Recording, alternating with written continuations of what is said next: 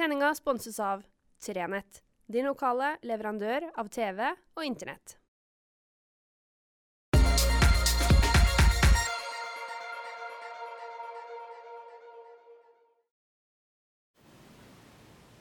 Riktig god fredag. Han Paul han var et begrep på Skjervøy, og for så vidt mange plasser i Nord-Troms. Han ble godt kjent, han Paul Hansen, som for rundt med søppelvogna si og var nærmest overalt. Eh, inntil han ble gammel og skrøpelig og til slutt gikk bort for en tid tilbake. Men vi som møtte han, vi, vi husker godt alle hans utsagn og alle hans uh, ting. Og En av de tingene som han Paul alltid sa, det var 'tida går snart'. Og det, det gjør den. Jeg klarer ikke helt å la meg forundre over at i går så var vi altså halvveis i året. Vi er altså allerede på 2. juli. Tida flyr, bokstavelig talt. Eh, det gikk altså som en røyk på sett og vis det første koronaåret. På den andre sida så har det gått supertregt. Og for veldig mange så føles nok helt sikkert ikke året som har gått, som noe som har gått fort. Eh, tvert imot så har det vært et år som har gått forferdelig sakte, skal jeg tenke meg, for ganske så mange. Men likevel, når året plutselig er gått, og man kan se at vi er passert den ene halvparten av 2021 allerede, da klarer jeg ikke å dy meg for at det går skrekkelig fort. Og nå er det jo endelig kommet litt sommer her, da. Får vi håpe at det holder seg, at vi kan ha en, en deilig sommer, at det, blir, at det blir lenge. Jeg håper ikke det blir så steike varmt som man har hatt i nordre deler av Amerika og Canada, der det altså har vært ekstremvarme. Eh, jeg så en foruroligende framtidsmelding fra meteorologene på eh, Dagsrevyen, som kunne melde om at om 30 år så eh, var det med temperaturer langt over 30 grader normalen. Dundrende tordenvær på kvelden og steikvarmt på dagen i Oslo.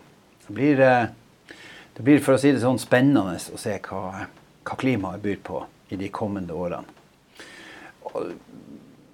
Noe kommer i hvert fall til å skje. Det er noe hevet over enhver tvil, hvis, uh, ifølge forskerne. Men jeg hadde ikke tenkt å snakke så mye om været, selv om det er tema nok. Kan man trygt slå fast. Jeg hadde tenkt å snakke om noe annet, nemlig hjelm. Dere som har fulgt med de her, dere vet jo det at, at, eh, jeg er opptatt av sånne ting som sikkerhet og det å ta vare på hverandre. Og, og jeg går stadig i fella og glemmer meg av. Jeg hadde en episode her for en tid tilbake. Eh, jeg har vært og fått den første koronadosen. Jeg eh, skal snart få min andre dose og er i ferd med å bli klembar. Men, men, men da er det jo da slik at man får ei innkalling, og så får man et klokkeslett. Eh, og jeg hadde fått den innkallinga og hadde fått det klokkeslettet. Men jeg hadde da rota i kalenderen min, så jeg hadde klart å lånt vekk bilen. Så der satt jeg en fredag hjemme på Skjervøy, og plutselig klokka kvart over to så peip klokka og ga beskjed om at om et kvarter skal du være nede ved Kilgården og få satt ei sprøyte. Og da hadde jeg ingen, uh, ingen uh, motoriserte hjelpemidler tilgjengelig. Så da var det å springe på garasjeloftet og finne fruens velociped, tohjuling, Eh, og kasta meg utfor ringveiene. Eh, og fauk ned igjennom.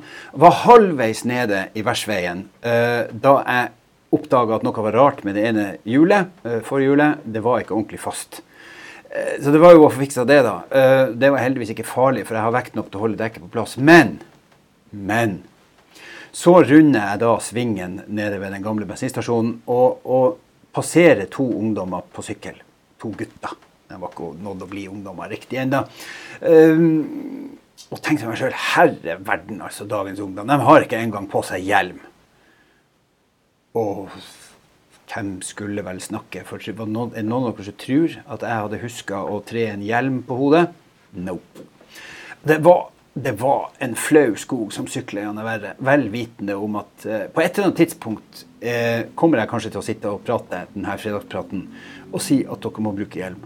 Og så har kanskje veldig mange sett at jeg sykler uten hjelm. Og Da er det litt greit å kunne gå foran og si at jeg har vært suppegjøk. Men i disse tider, når syklene er kommet ut, og jeg ser veldig mange har, har fått seg sparkesykler og hoverboards Ja, det er vel kanskje ut igjen, da. Men, men, man er rundt omkring på ting som beveger seg Eller for å si det sånn, man er rundt omkring på ting som beveger deg uten hjelm. Og da er det vi som foreldre og besteforeldre er nødt Vi er nødt til å bli upopulære. Vi er nødt til å si at dere må ofre sveisen. Dere må ta på dere hjelm. Og jeg har øh, kompiser som har stupt over styret i voksen alder, og som har én ting å takke for at de fortsatt har ja, evnen til både å gå og snakke i behold, og det er isopordingsen oppå her, nemlig hjelmen. Jeg har en kompis som i god fart på eh, racersykkelen sin stupte over styret Eh, han så ut som en pudding på kroppen og, og ødela vel ei hånd. Men hadde han ikke hatt hjelm på hodet, så hadde han ødelagt så mye, mye verre. Og det kan gå forferdelig galt. For noen år tilbake så, så gikk det ordentlig galt i Lyngen f.eks. Det går fra tid til annen galt. Og vi må prøve å, å unngå det. Og så kan man alltid hente fram den her som jeg ser stadig dukke opp på, på, eh, på Facebook, om at da jeg var ung, så rodde vi uten redningsvest. Vi sykla uten hjelm. Vi dissa uten ikke-komprimerbar sand under oss, etc., etc. Og se hva det blir av oss. Men jeg kan dra opp eksempel på mennesker det ikke har blitt av fordi det har gått galt. Og hvis det er sånn at vi kan bruke noen enkle hjelpemidler for at det sannsynligvis skal gå mye bedre, så syns jeg det er et bra alternativ. Og jeg kunne jo gjerne tenkt meg å sett de rekker opp hånda som mener at vi skal gå tilbake til biler uten nakkestøtte i setene, uten sikkerhetsbelte. At vi skal fjerne reglene om å sikre barn i bil. At det skal være tillatt at ungene ligger på hattehylla og sover. Eller at vi skal rulle tilbake til da jeg var liten gutt og far min hadde kjøpt seg en Volvo 145 Ekspress som hadde gått som likbil oppi, oppi Kirkenes. Den hadde bare seter foran. Bak var det flatt gulv, som det jo er i likbiler. Og der for jeg og bikkja rundt og rulla i svingene. Eh, og, og, kom trillende fram når fattern bremsa. Det var ikke noe, han gjorde ikke noe galt. For da, på den tida så, så, var det sånn det var, og man visste vel ikke bedre. I dag ville det vært helt utenkelig. Og Vi skal ikke lenger tilbake til i 19, enn i 1994-95. Da hadde bandet jeg spilte i, kjøpt seg en, en bandbuss. Eh, og jeg måtte ha dattera mi med i den, og da hadde vi en sofa baki der, og i den knøyt jeg fast barnesetet. Det er jo helt, helt ko-ko loco. Ikke bare poco loco, det er mucho loco. Det er helt galskap. Men, men i dag kunne jeg ikke funnet på å gjort det. Derfor så er min oppfordring til folk på min alder og nedover si ifra til dem som er ute på sparkesykkel eller på sykkel. Si noe. Ta, vær nå den der teite voksne som sier at du, hvis du bruker hjelm, ja, du ødelegger sveisen, men du slipper å ødelegge så mye, mye mer. Det tror jeg kan være lurt. Vi har jo ingen å miste. Vi har overhodet ingen å miste. Men av og til så går det galt. Og hvis en hjelm kan være med på å forhindre at det går helt galt, så er det absolutt verdt en litt rufsete sveis. I går Nei, Onsdag var jeg på sykkeltur opp gjennom Rungadalen. Jeg hadde fått lånt meg en fantastisk sykkel av eh, en bekjent. Et monster av en sykkel. Jeg hadde hjelm.